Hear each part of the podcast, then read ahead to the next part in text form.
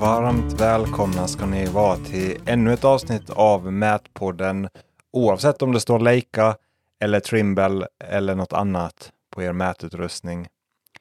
Det är så kul att det är så många som har lyssnat på det första intervjuavsnittet med Fredrik. Vi spelande stund en vecka efter släpp så är det redan 250 lyssningar så det är otroligt roligt. Så fortsätt sprida det här till andra mätare så kommer det här bli något stort och vi alla får någon nytta av det.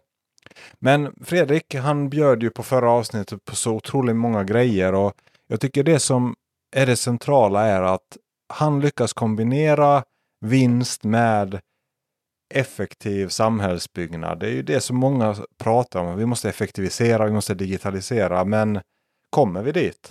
Jag tycker det är i alla fall att Fredrik verkar ha kommit dit. Så i det här avsnittet så fortsätter han berätta om hur han jobbar. Hur han jobbar mot privatpersoner, mot villaproduktion. Han bjuder på massa tankar och starka åsikter för det är en straight shooter. Så det är ju väldigt underhållande att lyssna på honom. Och det är så kul att han bjuder på det också. Men vi pratade om hur, gör, hur kan markfirmor göra det bättre? Hur kan man göra det här om man själv vill börja göra, kombinera mät och anläggning. Eh, rent mätningsmässigt pratar vi om markmodeller och Fredrik stör ju sig när trianglarna inte stämmer överens med ritningarna. Och, och så pratar vi lite om att inte fastna i det gamla. Vi spånar om framtiden. Och ja, det är väl det som det här kommer att handla om. Och tycker du om sammanhängande diskussioner så lyssna på förra avsnittet så får ni del 1. Men nu kommer del 2 med Fredrik Bergström, FMT Mark. Och i förra avsnittet förstod vi att Fredrik gillar Trimble. Men är det bara guld och gröna skogar? Eh, jag kan säga då för att gå emot Trimble också. Jag har även suttit i, i mycket, vi är med och betatestar en del på SketchUp och, och sådär och, och håller på. Så jag sitter en del i möten med Trimble. Och vi diskuterar bland annat Trimble och Trimble Connect som är en eh, grym tjänst. Eh, och sådär. De har ju även eh, Trimble Clarity för att ladda upp punktmål online som jag sen kan dela ut till mina kunder så de kan eh, titta och sådär. Vi använder ju inte Trimble Connect. Alltså jag använder det bara för Sitevision när jag måste för att det ska gå via Trimble för att det ska funka. Liksom. Annars så, så, de liksom, så säger de att men, lägg allting här. Liksom, vi använder Dropbox och det ställer till det emellanåt för att eh, det är väldigt noga med att pausa synkar och sådär. Men vi använder uteslutande Dropbox. OneDrive var helt värdelöst. Vi råkade byta dit en gång. Det gör aldrig om igen. Fullständigt värdelöst. Så att vi kör bara Dropbox. Fungerar, har fungerat jättebra. Men då säger Trimble att men det kostar ju ingenting på Trimble Connect denna. Nej, men nu är ju problemet att om jag lägger upp all min data på Trimble Connect så har, då har ni full kontroll på min data. Och Det räcker att ni ändrar en filändelse. Alltså de, de samkör så mycket grejer Trimble. De är jätteduktiga på detta och de får saker att flyta väldigt bra. Fast de har ju saker det här med abonnemang som så är dyra tjänster. Alltså det vi ska ha löjligt betalt. Trimble Clarity då med punktmånsdelen som är helt grym. Den är snodig, det går ut att köpa för pengar. De vänder sig till multinationella bolag, inte oss som är liksom 20 man. Det, de, det funkar inte. Så jag, så jag håller mig undan därifrån. Och det, just av anledningen att det blir för komplicerat. Eh, det är asgrymt för en utsättare men kunden kommer aldrig begripa detta. Våra kunder begriper inte. Och där var ju då grunden till att, jag byggde, att vi byggde sajten då och, och, och tog beslutet på okej, okay, vi lägger pengar på det här men jag, väl när det är byggt, eh, den här sajten, alltså den, en webbtjänst den kostar ju inget. Alltså lagring i molnet och ladda upp alltså, ortofoton kostar ju ingenting det, det finns ju oändligt mycket dataplats. Är det dyrt att utveckla? Ja, det är fortlöpande kostnader i och för sig, men det ska jag inte vilja påstå. Alltså, om du bygger... Eh, om, om, du, om du vill bygga en, en, en, en sajt, säger vi, så kanske du får lägga en halv miljon. Och då, då kommer jag tillbaka till det här igen, den slits ju inte. Den drar inte ens batteri. Eh, och, och, när koden väl är skriven så ligger den ju där jag kan låta Siteplan ligga still i tio år nu. Eh, och den kommer inte kosta mer än 100 spänn om året då förmodligen. Så att det är, inga, det är inga kostnader utan man får ju se till möjligheterna. Eh, och vad man ska göra och framförallt att, att ha kontrollen över det, det själv. Eh, skulle jag vilja påstå att det, det, det, är väldigt viktigt. Och när man kan ge kunder en helhet då, och då spelar det då ingen roll om du är ett mätkonsultbolag. Alltså Eh, eller om du är vi har ju fördelen av att vara markfirma såklart. Så att vi, vi säljer, jag var ute igår på, på, på ett kundmöte, vill, eh, la jag också upp någon Facebook. Eh, det var med Sitevision och sådär, lite ville som vi har projekterat. Får jag husen ifrån 3D, från lite hustillverkare och de jag inte kan få, de modellerar vi upp ifrån eh, pdf-ritningarna som finns. Och så gör vi dem riktigt och sen så gör vi alla modellerna, schaktmodeller eller modellerna som vi gör för kalkyl och gör vi TBC. In med det i SketchUp och så in med allting till Sitevision och sen så gör jag en offert till kunden. Och så var jag där ute igår och så fort vi går runt med Sitevision för en villaproduktion så vi hinner inte vara där med. Jag sätter en näven på dem och sen så gör de jobbet själva. Jag står mest och dricker kaffe. För de går runt och tittar då i alla rum och hur det blir och sådär. Och varenda gång så flyttar de på sak i huset. Det, de upptäcker att det är inte faktiskt det här vi vill ha. Sen kan det bli ett problem med lite för mycket valmöjligheter såklart. Ibland är det bättre att det är bara att köra på. Men varje gång så ändrar de och så fort de gör det, då vet jag att jag har jobbet. Ja. Då spelar det ingen roll om offerten, säg att jag hade en offert på 300 000 kronor. Om den är på 330 000 kronor, det vill säga 10% mer, vilket är skitmycket. Eh, nettot i byggbranschen är liksom 4% på ett bolag som går bra. Eh, säg att jag har 330 000 istället för 300. Så fort de börjar flytta och ändra på saker och jag bara ritar om det, vilket tar mig Alltså det tar inte lång stund att eh, modellera detta och jag kan hjälpa dem och de kan bygga sitt drömhus. Då ger de mig de 10% Alla andra är borta sedan länge. Så att man, man, som entreprenör har man en jättestor möjlighet men ifall man som ett rent mätkonsultbolag så tror jag att Eh, vi flygmäter ju projekt alltså där folk inte har beställt det. Eh, eh och lägger upp på Cyplan där vi gör andra saker. Vi skannar saker som ingen har köpt och ger bort delar utav data. För helt plötsligt så börjar de inse att vi sitter med grejer som fan, eh, för de, de vet inte vad de kan köpa, de vet inte vad som finns. Vi måste visa det för dem. Vi måste visa det för kunden. Och så fort de ser, du fan, vad, det här var ju bra. Kan inte ni greja med... Och då får vi nästa gång, så ringer de oss, inte för att skanna, men de ringer oss av en annan anledning.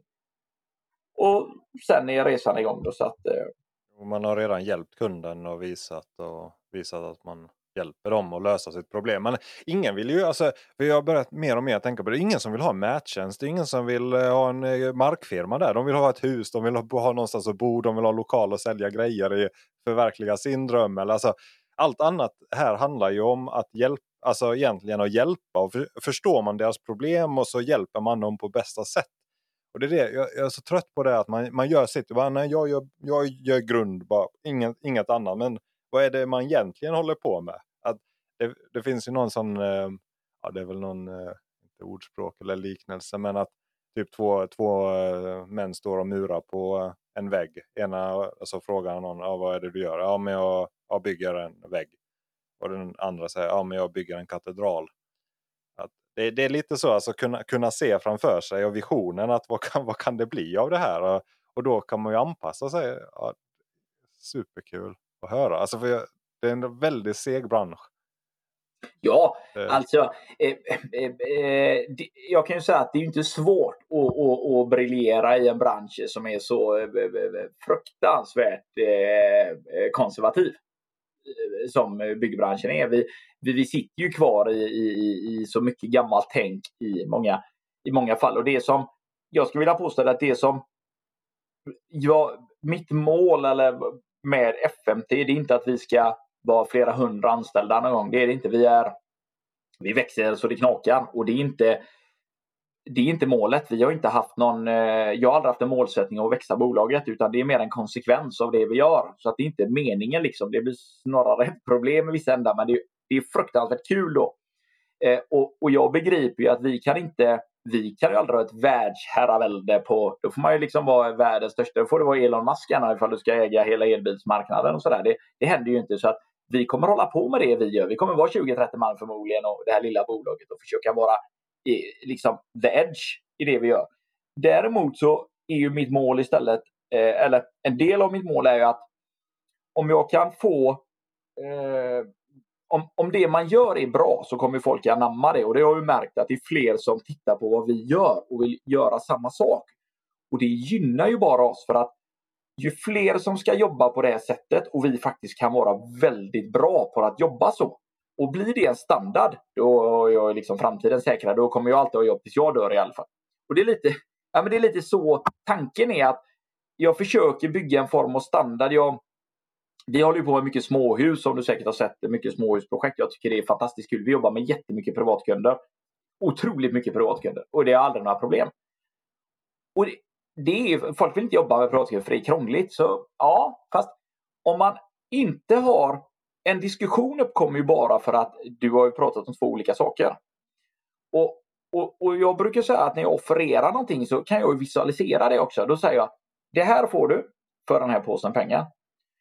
Och då sätter jag ju press på de andra som har lämnat en offert. För att då har ju kunden sett att okej, okay, han har ju sagt att han gör det här för de pengarna. Och så är det någon som har lämnat en offert på en servett. Om, om han då är 100 000 billigare än mig så börjar ju folk ändå fundera kring och, eh, varför.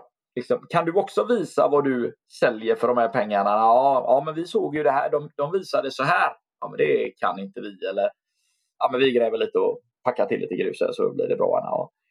Och, så jag försöker verkligen få husföretag och sådär att, att förstå. För, för problemet är att ett stort problem i småhusbranschen är att husföretagen har, ett, har inget incitament att ha nöjda kunder. Nej, det är sant. Man är, aldrig, man är inte återkommande troligtvis. Nej. Alltså, det är ytterst få. Ja, ja, vi har under åren varit såklart, eh, det har ju hänt att det är några som har kommit tillbaka och köpt ett ifrån Fiskaredavillan igen eller A-hus och sådär. Så, eh, som har då dykt upp. Men, men de, de, säljer, de säljer sitt hus, de bygger det, ställer dit det, sen åker de till nästa. Det finns inga... Eh, om, du, om du köper en, eh, en eh, Volkswagen bil idag så, så vill de att du ska ha ett serviceavtal med dem. De vill ha dig till sin verkstad och sådär. Eh, tänk om husföretagen hade tänkt ett steg till att eh, eh, ja men du köper en villa här utav oss och så, eh, för de här pengarna och sen så går de all in på det. När villan börjar bli färdig så säger de ja men nu, det här är ju också förberett. Det finns i plattan. Här finns det om du ska ha en utomhuspool sen någon gång i tiden så, så kan du ringa oss så, så, så fixar vi med det för då har vi, vi har koll på hur det ser ut så att, att det finns en eftermarknad. Att att det finns en steg två i husköpen. Att de kommer tillbaka och, och gör övervåningen. Pekar jag upp till övervåningen här också. Ja, ja, ja men alltså det, det, det där var ju det. Alltså serviceavtal för hus. Vem, vem modern människa som flyttar från lägenhet, vuxit upp i, men skaffar barn och vill ha hus. De vill inte sköta sitt hus. Nej. Tänk att ha serviceavtal på hus. Det har ja. inte. Det har inte ja. Nej, men liksom, just att det finns inget incitament för dem att ha en nöjd kund. Tyvärr, och självklart vill ju alla ha en nöjd kund för att eh, kunden är ju den bästa säljaren sen. Men de, de säljer inte, en bilsäljare som säljer en bil, han vill jättegärna att du köper en Volkswagen nästa gång också. Men eh, troligtvis så kommer inte du komma tillbaka och köpa en västkustvillan igen. För att du kommer förmodligen inte bygga ett hus igen på 20 år, 30. Så att det finns inte det tänket där och det gör att de bryr sig inte egentligen speciellt mycket om kunden i affären. Och då försvinner markjobbet och sådär. Så att jag måste ju på något sätt i ett tidigt skede övertyga kunden att ni måste... Eh, ni, ni, ni, alltså går ni på mina här nu, då kan ju det här dra iväg det måste vara bättre att vi tänker till före ni gör slut på pengarna. Och Det är klart att ju mer Youtube och ju mer sånt här som jag har kunnat lägga upp och sådär så kan jag bygga upp ett arbetssätt där jag visar att så här tycker jag att ni ska tänka innan ni gör något för att veta att ni gör rätt från början. Eh, istället för att bara grusa oven ute och ställa dit ett hus. För det är en väldigt stor skillnad prismässigt. Jag brukar säga till kunderna att antingen så räknar jag på eh, du kan få ett pris på, eh, eh, på om du ska bygga ett hus och så kan jag räkna på att du får en yta att här kan du ställa huset och du kan parkera bilen och du kan gå från bilen till huset. Det är det jag räknar på. Eller så räknar jag på det projektet som jag faktiskt tror att du vill att det ska se ut när jag går därifrån. Inte massvis med stenar och murar och sådär, för det är svindyrt. Utan någonting annat som är närmare det som du faktiskt förväntar dig. För jag, jag har rätt bra koll på vad du förväntar dig. Och det är två helt olika priser. Men när jag räknar så räknar jag alltid på det som jag är rätt säker på att kunden förväntar sig. Eh, och det gör att vi eh, allt som oftast är dyrast i varenda offertförfrågan varenda gång. Eh, men priset brukar inte spela någon större roll. Då, utan de, Eh, bara för att vi har ett högre pris för dem än de andra så betyder inte det att vi tjänar massvis med pengar. Det betyder snarare att vi gör mer saker. Uh, jag tänker, du, du sa det, höja nivån på branschen. På något sätt, allting hänger ihop. Med, med, mätningen, projekteringen, marken, anläggningen, betongen. Liksom på något sätt hänger allting ihop och man vill göra det bra. Men det är så ointegrerat, det är så uppsplittade. Alltså det, vi gör det här, vi mäter bara, vi gör marken. Det, sen får asfaltsläggaren komma och lägga asfalt. Alltså, det är så segmenterat. Vad ser du för andra företag som gör någonting alltså liknande eller nosar på det här? Eller vad skulle du säga till markfirmor som vill komma igång och göra något? Hur går man tillväga rent praktiskt? Det, det, är, det är ju jättesvårt. Alltså det är ju jättemycket markfirmor som, gör, som vill göra på samma sätt och som gör på, kanske inte inte, inte när det gäller rubbet, skanningar, site vision och sådär utan allting bottnar ju egentligen för våran del så bottnar det ju i ett ohälsosamt teknikintresse från min sida förmodligen. Det är, nog, det är, ju, det är ju där det är såklart då är för våran del. Men om man inte gör allting så som vi gör, utan att, för det måste man ju absolut inte. Eh, utan att man bara då ser till att integrera mätningen ordentligt i det man gör och faktiskt har kontroll där. Att att en, eh, när grävmaskinisterna är ute och gräver, att de, att de har rätt modeller. De har rätt saker i grävmaskinen. För det är ju helt meningslöst. Jag har så mycket modeller som vi ser som är fel. Eh, alltså det här med som är skapade på fel sätt, trianglar som går åt fel håll och eh, lite sådär. Då är ju modellen fel. Det är ju ingen idé att gräva efter den. Då kan vi kan stänga av systemet. Alltså om det ändå är fel. Det är ungefär som att inte serva ditt system, att du inte har ett serviceavtal. Du kontrollmäter aldrig maskinen för det kostar pengar. Om, om, vi, om vår totalstation mäter fel eller grävmaskinen, då är det ingen idé att vi har det. det vi har ju det för att det ska mäta rätt. Liksom.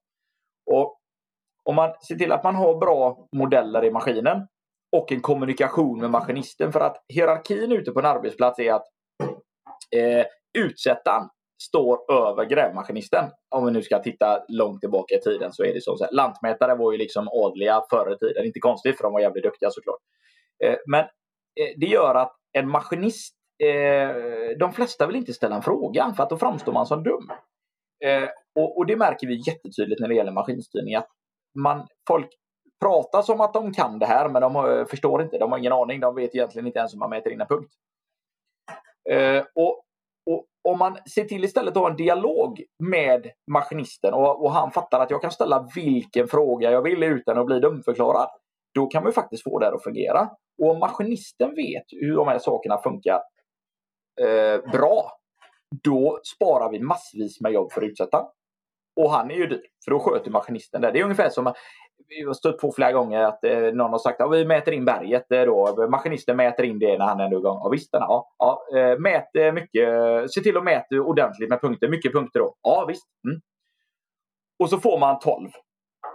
Och det är egentligen inte förvånande. För det här med mycket är ju relativt.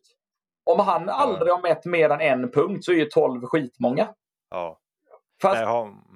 alltså, lite så då. Så att om man då som markbolag, det, det som jag ser då, eh, alltså om man då som markbolag ser till att man har den kommunikationen. Bra data till maskinisterna, ser till att de faktiskt kan mäta lite grejer.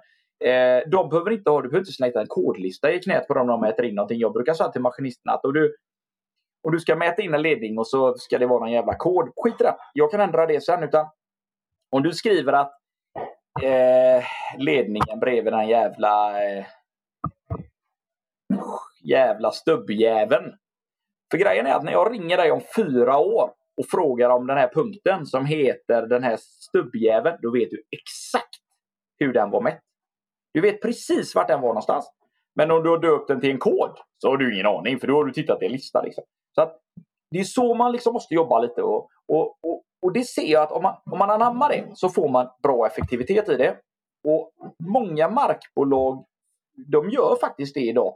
Eh, jag tror att eh, det största problemet som markbolagen har idag är att de tar in en utsättare, eh, anställer någon som ska ha mätdelen och så hoppas de, och så tänker de i deras värld att okej, okay, vi anställer, ja, de kommer, han, hon kommer att börja här på måndag.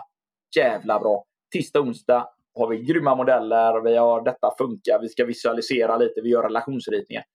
De kan inte det här heller. Det måste ta tid. Man, man måste ge det tid. Liksom. Det, man kan inte, och det har med ett intresse att göra. Och, och om, en, om, en, person är intresserad så kommer de att lära sig. Men det tar inte en, två veckor. Utan det tar eh, alltså något år att bli bra på detta.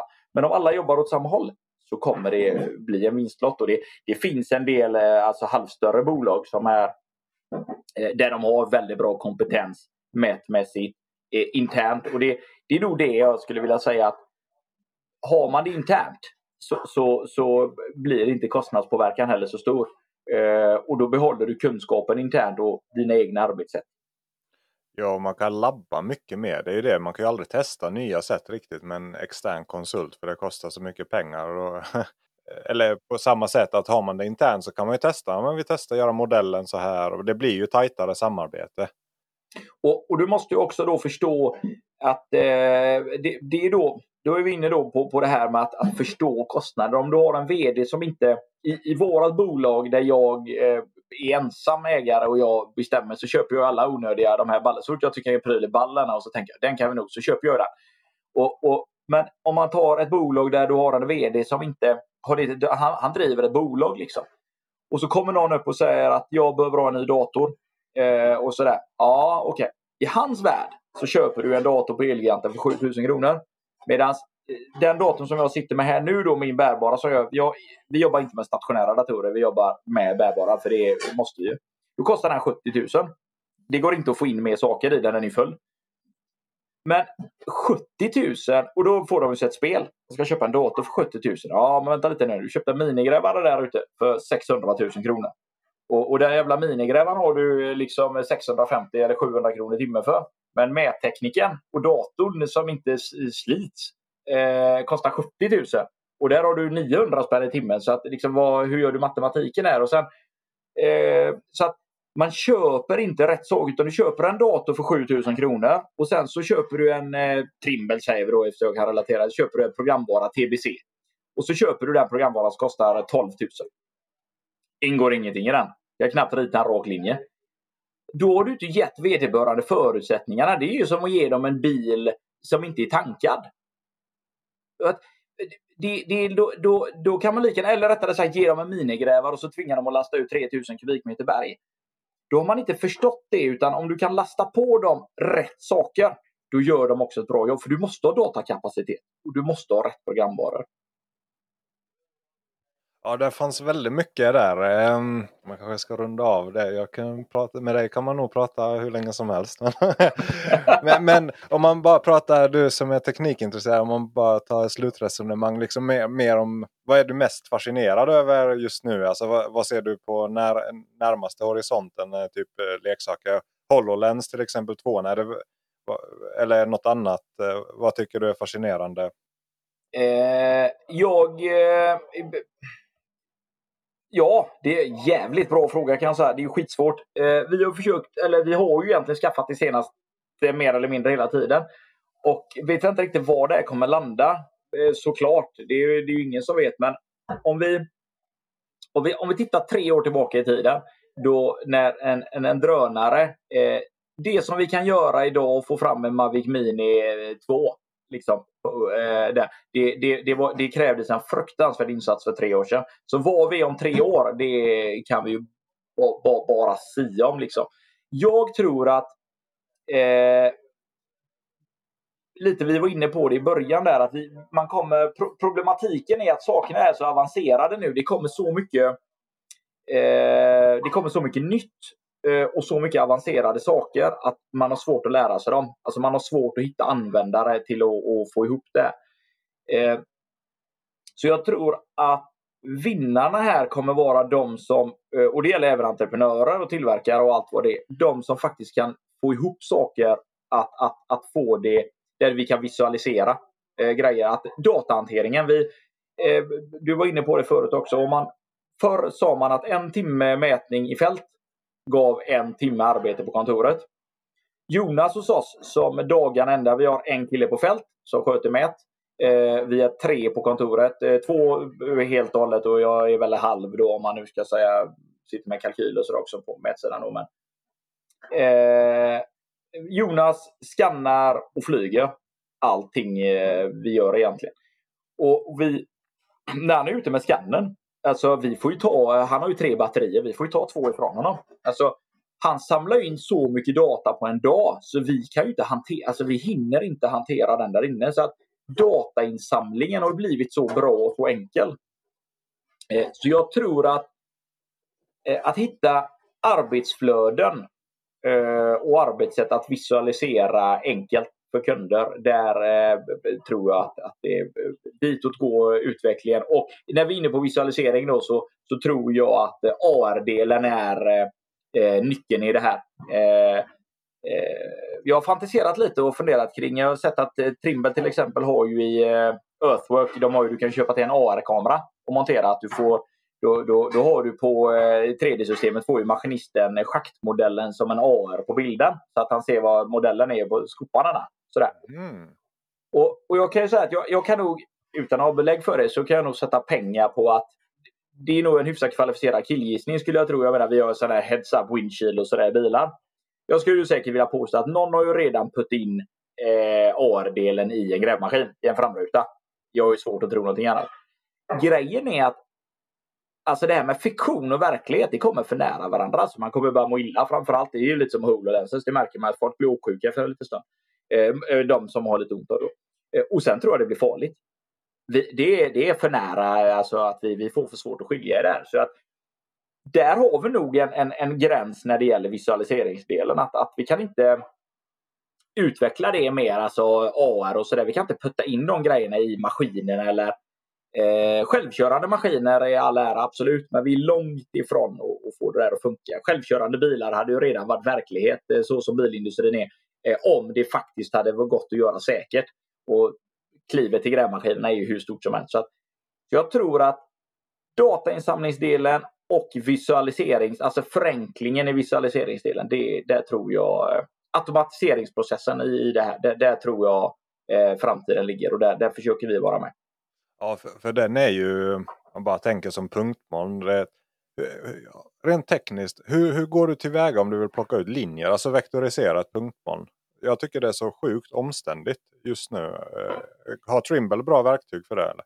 Ja, det skulle jag vilja påstå. Eh, det, och det kommer ju i varje uppdatering egentligen så kommer det var, varje gång. Vi, vi har nu automatisering för att plocka ut både kantsten, eh, eh,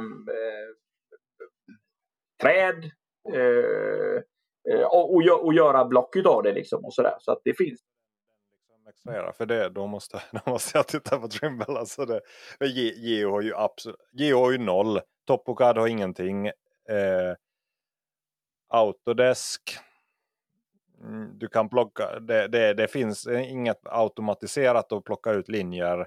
Pix 4D har släppt en, ett plugin så att du kan underlätta manuell urplockning. Men just det, för det, var det, det såg jag på den sista filmen du la upp på Youtube att den extraherade ju eh, trappan mer eller mindre hitta featureline. Det, det har jag aldrig sett i något annat program. Jag vet att Terra Solid, jag har inte använt dem, jag har hört att Terra Match Solid och de, de har. Men det, det, är också ett extra program för 100 000 om man bara ska göra det. Men så ja, vi, vi, vi har ju alltså ett arbetsflöde. Om vi tittar på programvara då så har vi, eh, använder vi TBC, Realworks och SketchUp.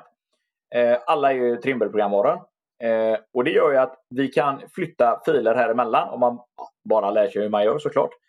Eh, och genom att False Origo så kan jag eh, använda punktmål i eh, Eh, säg att jag har punktmål eh, eller eh, som vi säger punktmålet, jag tar in det i Realworks i noll eh, i det här. Och sen så kan jag passa in det mot mitt SketchUp. SketchUp jobbar jag alltid med noll. Däremot så kan jag använda och få min vridning i förhållande till ett fast origo eh, ifrån TBC som jag kan flytta till SketchUp och sen använda det till Realworks. Och Det gör att allt det som jag modellerar ut, då, så vill säga, det som du såg i Youtube där till exempel, nu var det ett väldigt enkelt exempel. Vi har ett annat exempel där vi modellerar ut rör i en tunnel eh, per automatik. Då. Eh, om jag, då kan jag ta det här när det ligger i SketchUp. Så kan jag flytta tillbaka det så det är georefererat. Och rakt in till SiteVision. Georefererat. Med centimeter noggrannhet. Så att, och det här är inte svårt. Det handlar bara om att kunna arbetsflödet. Det är det enda som är. Men självklart så kräver det ju då de här programvarorna. Och sådär. Men det är ju inte så att de här programvarorna har kostat 3 miljoner kronor att köpa. Men självklart så kostar de pengar. Alltså, det de gör är ju inte gratis. Och tittar ju andra programvaror, vi, tar, vi pratade om Gemini förut. Eller jag pratade om det. Jag tog in ett punktmål där för att testa. Alltså det är ju... Det funkar, absolut. Men det är ju av det jag kan se då. Nu ska jag ju inte kapa dem jämfört med absolut inte. Men av, det jag... Vi är ju väldigt duktiga på TBC då. Men av det som jag kunde göra där och hanteringen så är det ljusår ifrån det jag kan göra i Trimble. Eh, kan jag säga. Det är way out. Så att automatiseringsdelen i, i, i Trimble är att flytta det från SketchUp modelleringsmässigt till SketchUp är ju, är ju alltså galet bra. Det, det, är nog fördelen med Trimble. Det är intressant att se om Leica hittar på någonting alltså, för att konkurrera. För jag, det jag sett på Trimble eh, sista tiden, liksom, alltså sista två åren, det accelererar det att de springer ifrån med grejerna. Och det är ingen jag pratar med SPG, liksom, de, de har ju börjat utveckla sitt program och anställt utvecklare och så. För att de märker att de behöver hänga med. Men eh, ja, frågan är kan, kan man komma ikapp? Ja, det, det... Jag, jag, eh, jag funderar på, jag hade eh, ja, nu det drar iväg i tid här men... Men har du, jag har tid, om du har tid så det här är väldigt kul att prata. Alltså. Eh, för, för om, vi, om vi pratar utvecklingsdelen då. Så när jag började med Trimble en gång i tiden med programvaran så då, då använde jag program, det var ju Christian återigen då, som lurade in mig där. Då hade eh, Trimble en programvara som heter Terramodel. Eh, ett CAD-program som var eh, skitbra. Det var det jag egentligen lärde mig. Det var det jag jobbade med. Sen släpptes TBC som finns idag. Eh, och eh, första eh, 3D-hanteringen var ju exceptionellt bra i TBC när det kom. Eh, självklart så var det ju ljusare från vart vi är idag. Men då var den mot Terra Model för det var ju fruktansvärt tungt. Men det Trimble gjorde det var att man, man, man hade byggt ut, man hade Terra Model som var egentligen dosbaserat mer eller mindre. Eh, och någonstans så tar de ett beslut då för, vad kan det vara, det måste vara de tio år sedan gissar jag, ungefär. Så tar de ett beslut och säger att vi utvecklar inte det här mer. Det är ingen idé. Vi måste göra en ny plattform. Och så börjar de bygga TBC. Det var så jävla bra i 3D. Resten var så jävla dåligt. Herregud, jag kunde inte ens skriva ut ett A4-ark. Alltså jag kunde, nej, det var bara sög. Det var helt, och det var så mycket problem. Och så har åren gått. Och idag är ju TBC hur bra som helst. Och de sitter eh, alltså makros och sånt som vi kör i TBC idag är ju, vi kan göra så mycket saker så det är helt fantastiskt. Eh, och Det gör ju för att de har en plattform idag som är asgrym. Och så tittar man på hur de gjorde på maskinstyrningssidan. Då hade de GCS 900, det gamla jävla med alla tryckknapparna. Man får ju ont i, har du säkert sprungit på, man får ju ont i tummen liksom i menyerna när man ska hålla på. Där. Och då tar man beslutet att vi tar hela den här plattformen och slänger den. Och så släpper vi Trimble Earthworks. Och så går man över till en Android-platta. Och i den här plattan så kan du göra precis vad du vill. Du kan kolla mejlen och du kan surfa allt det. Ett, tu, tre så tänker man utanför boxen. Och så har vi skapat en ny, helt ny plattform för vårt maskinstyrningssystem. Vi slängde det gamla. Om jag tittar på utan att ha jobbat med SPG, aldrig jobbat i Geo, ingenting. Om jag bara tittar vad de gör som Leica har gjort. För jag kan säga att oss emellan tänkte jag säga nu, men det är det ju inte eftersom det, det, här, det, det här kommer ju sändas ut sen. Men jag kan säga att om vi tittar på, på Leicas maskinstyrning så är jag, tycker jag det, alltså jag, jag älskade Leica förut. Connex är hur bra som helst. Men det senaste, det de kallade för en uppdatering är fullständig katastrof. De måste slänga sina plattformar och jag tror att det är samma med SPG. Man bygger på den här Big Mac-hamburgaren och den blir större och större och större och större. Man lägger på saker och så har man ju typ dos i botten och det här kommer välta liksom. Det, det går inte. Man måste slänga det och använda de sakerna som har släppts nu. Det är för mycket saker som inte är tillräckligt bra. Det är inte tidsenligt, tyvärr. Man lägger på en punktmånsmodul på sin basdel. Fast den här basdelen är inte tillräckligt bra. Så den orkar inte driva. Eh, jag, jag, kan, eh, eh vi har ett projekt i Göteborg som vi gjorde nu i vintras, Skanshof där vi hade skannat eh, allting. Det projektet i min dator i TBC är på 360 gig. Och jag har inga problem att öppna det och vända och vrida på det och plocka ut detaljer utan lagg. Så att det, 100 meg i geo så dör den. ja, nej, men liksom, och, och det, det, det bottnar nog i, jag är ingen dataprogrammerare, absolut inte, men jag, jag, det bottnar i tror jag att man har Däremot så förstår jag vilken investerare som helst att när någon säger att vi slänger detta och gör något nytt och så ska vi plöja ner x antal miljoner och hoppas att vi gör någonting som faktiskt blir bra. Då blir ju alla skitnödiga. Men jag skulle gissa att det är exakt det Trimble har gjort och faktiskt då lyckats med det ska jag vilja påstå. Tycker jag. Sen ja, men jag... vad kul att höra. För, eh, just, det där, just det, det var det jag tänkte på när du sa maskinstyrning och slänga plattform eller byta plattform. Jag har sett eh, någonting alla pratar om, eller alla inom citattecken, men eh, Makin eller Makin eller hur man nu... Makin, ja. ja att det, det, är ju väldigt många nöjda med. Och just att det är en Android-platta, att du kan ta hem den och du kan titta din mail. Alltså, det, det, tar ju marknadsandelar fort. Alltså, det är det som är roligt med anläggningsbranschen eller byggbranschen generellt. Ser någon, någon en häftig penna någon har så har ju alla den om ett år. Eh, typ ja, men... Pika.com eller vad som helst. Att det sprider sig som en löpeld i de här byggbarackerna. ja, men, ja, men precis, precis, så är det. Och, och, och om vi tar Makin eller, eh, eh eller Unicontrol. Eh, liksom, så det, det, här, det här är liksom touchskärmar och, och grejer. Och Makin, om jag inte är helt ute och cyklar, så är det folk som kom från Leica tror jag, utvecklare där som startade ja. Makin.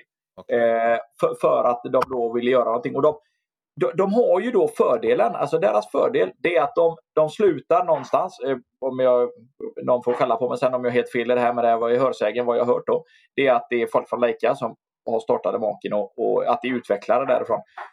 Eh, och deras fördel då, det är att de kan börja från scratch. De har ett jävla brinnande intresse, de har ett glatt humör, de vet vad de vill bygga och så fick de inte göra det hos sin förra arbetsgivare. Så går de in och bygger detta. Eh, och så blir det lyckosamt för att de, som sagt var, de vet vad folk vill ha. Men nu kommer utmaningen. Då. då säljer du x antal system, du utvecklar detta, du plöjer ner mycket pengar, för det är det det Sen börjar ju kraven ifrån kunderna komma. Du kanske får lite problem, du kanske måste ha en viss support och sådär.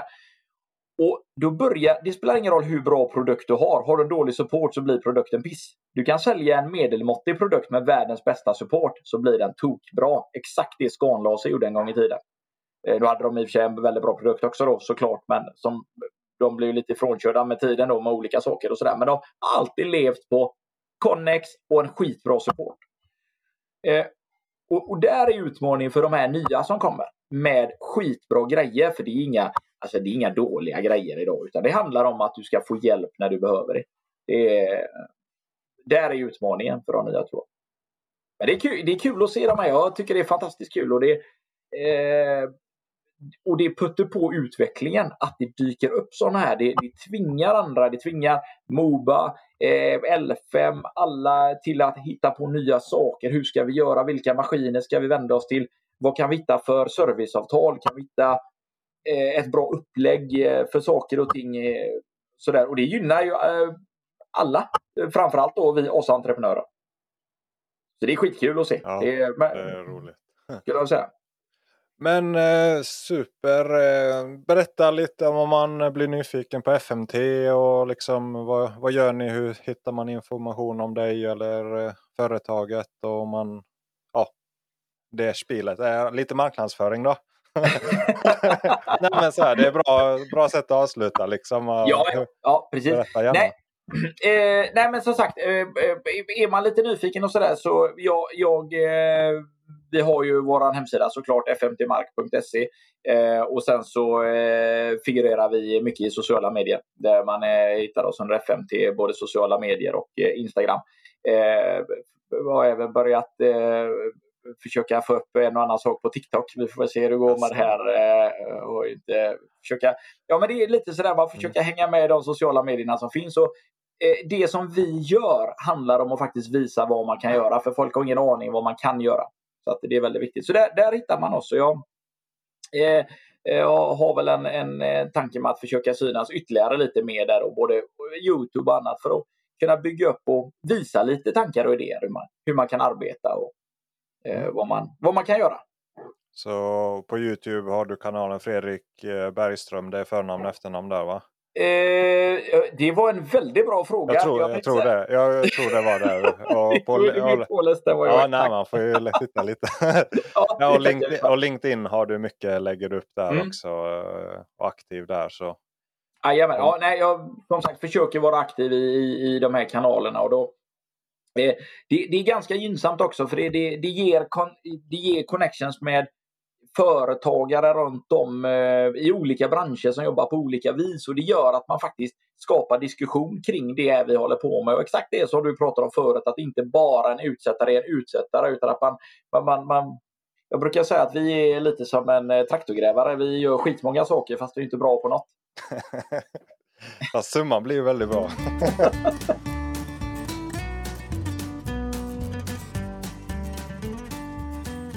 Fy vad kul det var att ha med Fredrik och höra alla de här åsikterna som man sällan hör annars än eh, kanske i privata samtal. Och han bjöd på väldigt många guldkorn här och jag vet inte vad du fastnade för Anton. Jag tog ju säkert upp förra veckan, i förra veckans eftersnack, upp flera av grejerna som kom från det här avsnittet. Märkte jag så här efteråt. Så ja, vad fastnade du för? Mm. Jag, eh, nu när jag lyssnade på del två så, så förstod jag lite av det du snackade om tidigare. eh, Mm, nej men eh, riktigt eh, kunnig kille och rolig att lyssna på. Men, eh, nej, men det jag fastnade lite för var väl eh, hårdvaror egentligen. Ja, det här med hårdvaror är ju väldigt intressant och det känns ju som Fredrik här, han köper ju bara det senaste och det bästa. Precis, precis. Men det finns ju många aspekter på det och det men visst känns det som att eh, Leica och Trimble de har nog bra marginaler på grejer de säljer. Ja, verkligen. Eh, jag snackade med en, en kollega i branschen och eh, han, eh, han byggde en, en egen GPS för, eh, ja, men för runt 15 000 spänn liksom. Och, och den funkade hur bra som helst. Så man kan ju tänka sig att eh, Trimble och Leica har hyfsade marginaler. Liksom. Vi kom ju in på det här med hårdvara i omröstningen och det var ju någon som hade röstat Emlid och det är inte ett märke jag känner igen men jag tittade på deras hemsida och de sålde en GNSS Rover för, med multiband för 2200 dollar så det är 20 000. Och maskinsystem som säljer Geomax verkar man kunna få en tablet och en mottagare för runt 50 lax. Och, och jag såg någonting på LinkedIn här i veckan att man någon som sålde i England en eh, mottagare för 1000 pund. Det var ett begränsat antal timmar per år då, men det var otrolig prispress på det hela. I slutändan kan vi inte skilja jättemycket mellan plastbitarna. Nej, nej det tror inte jag heller. Ja, du hörde ju något om Umax, det var väldigt intressant. Ja, precis. Jag hörde något om att det är gamla Leica-grejer som de brandar om och, och liksom paketerar om bara.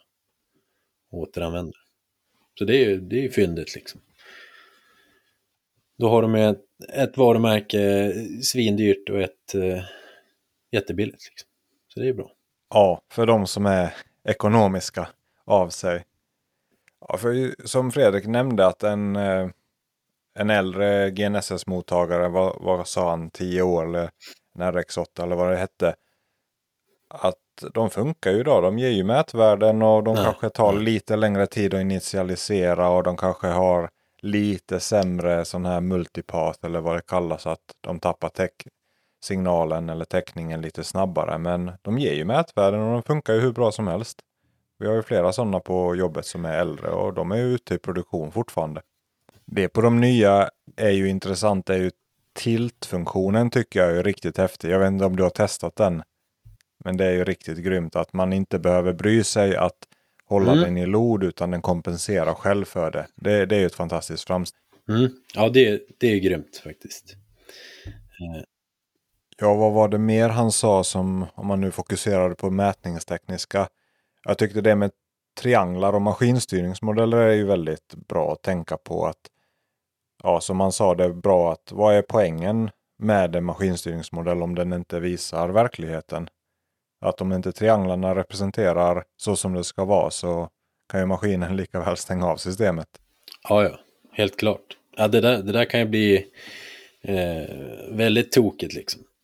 Jag, jag kommer ihåg när jag, var, när jag började och eh, ja, men man, man byggde ihop lite modeller och så från, från höjdritningar och eh, ja, får man inte till höjdryggarna och och lågpunkter och sånt, eh, då kan det, då kan det gå riktigt dåligt alltså. Ja, frågan är hur man blir duktig på det. Det skulle nästan finnas någon kurs i det för de som är nya. Men det kommer väl med erfarenheten och det är viktigt att titta på dem visuellt så att det ser rätt ut. Och jag tycker ett praktiskt tips om man inte känner till det är att slå på en centimeters konturlinjer eller ekvidistanslinjer. Kallar väl de konturlinjer. Men då ser man väldigt tydligt hur vattnet faller. För på en karta eller på om du har höjdkurvor så faller vattnet perpendikulärt till en höjdlinje som det så fint heter. Alltså i 90 grader från linjen så rinner vattnet. Och då kan man se om kurvorna är mjuka, man ser vart vattnet försvinner och kränger höjdkurvorna väldigt mycket så vet man också att det är något konstigt som händer i modellen. Så just på plana ytor som parkeringar och där det är rätt så små fall så tycker jag det är ett jättebra sätt att se om det funkar. Och jag tror Fredrik hade något klipp också som han eh, demonstrerar just stora trianglar som jag länkar till i beskrivningen. Så det kan man också ta en kik på. Mm. Ja, och eh, loopa i, i geo. Kolla så att vattnet rinner till lågpunkterna. Liksom. Och just det, det är ett kreativt sätt att använda den. Att man har det här referensplanet som man höjer och sänker så man ser vart det skär marken. Va? Precis, och, och rinner det inte till, till brunnarna eller något då, ja, då är det något fel. Ja, så, så är det ju att fastän brunnen ska vara lägsta punkten så är det inte alltid så att vattnet rinner dit i modellerna. Så det är ett bra sätt att kolla det på.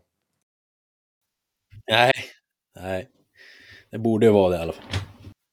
Det låter som att vi måste återkomma till det här ämnet. Det finns ju väldigt mycket att säga. och Jag har till exempel sett att eh, Smart Built Environment eh, har en sån här smart eh, modellleverans infrastrukturprojekt, SMIL, och som egentligen definierar hur man använder, praktiskt användbara krav på innehåll och struktur för leverans av anläggningsobjekt. Så det är hur man gör trianguleringen bra, att det inte ska vara hål och så vidare. Så det är en intressant sak. Och, men jag tror att mätningstekniker har bättre koll på det här än eh, markprojektörer.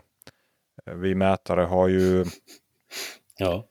Vi är ju ansvariga för att få det här att funka när projektörerna inte har projekterat det rätt. Så eh, jag tror inte problemet är så stort, men det finns mycket att säga om det. Något annat han hade ju starka åsikter av var om olika programvaror och det är ju klart att vi som använder Geo, man kan ju önska ofta att det kraschar mindre, men ja, det skulle ju Civil 3D också behöva göra, så jag har inga större insikter kring det, även om man kan tycka att det borde utvecklas snabbare och det borde hänga med bättre, men ja, det är ju inte så lätt allting. Ja, verkligen.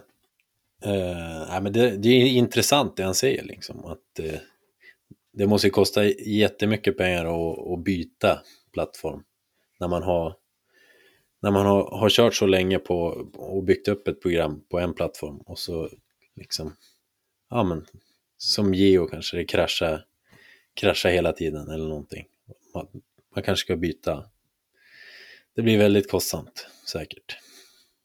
Jag följer ju lite programmeringsbloggar och läser lite om programmering eftersom jag har lite utbildning i det i botten. Men det är ju det där med nya program eller kodbaser är ju att man riskerar ju att man introducerar massa nya byggar och nya problem också. Så det finns ju säkert många anledningar varför man inte vill slänga ut sin kodbas och starta om igen.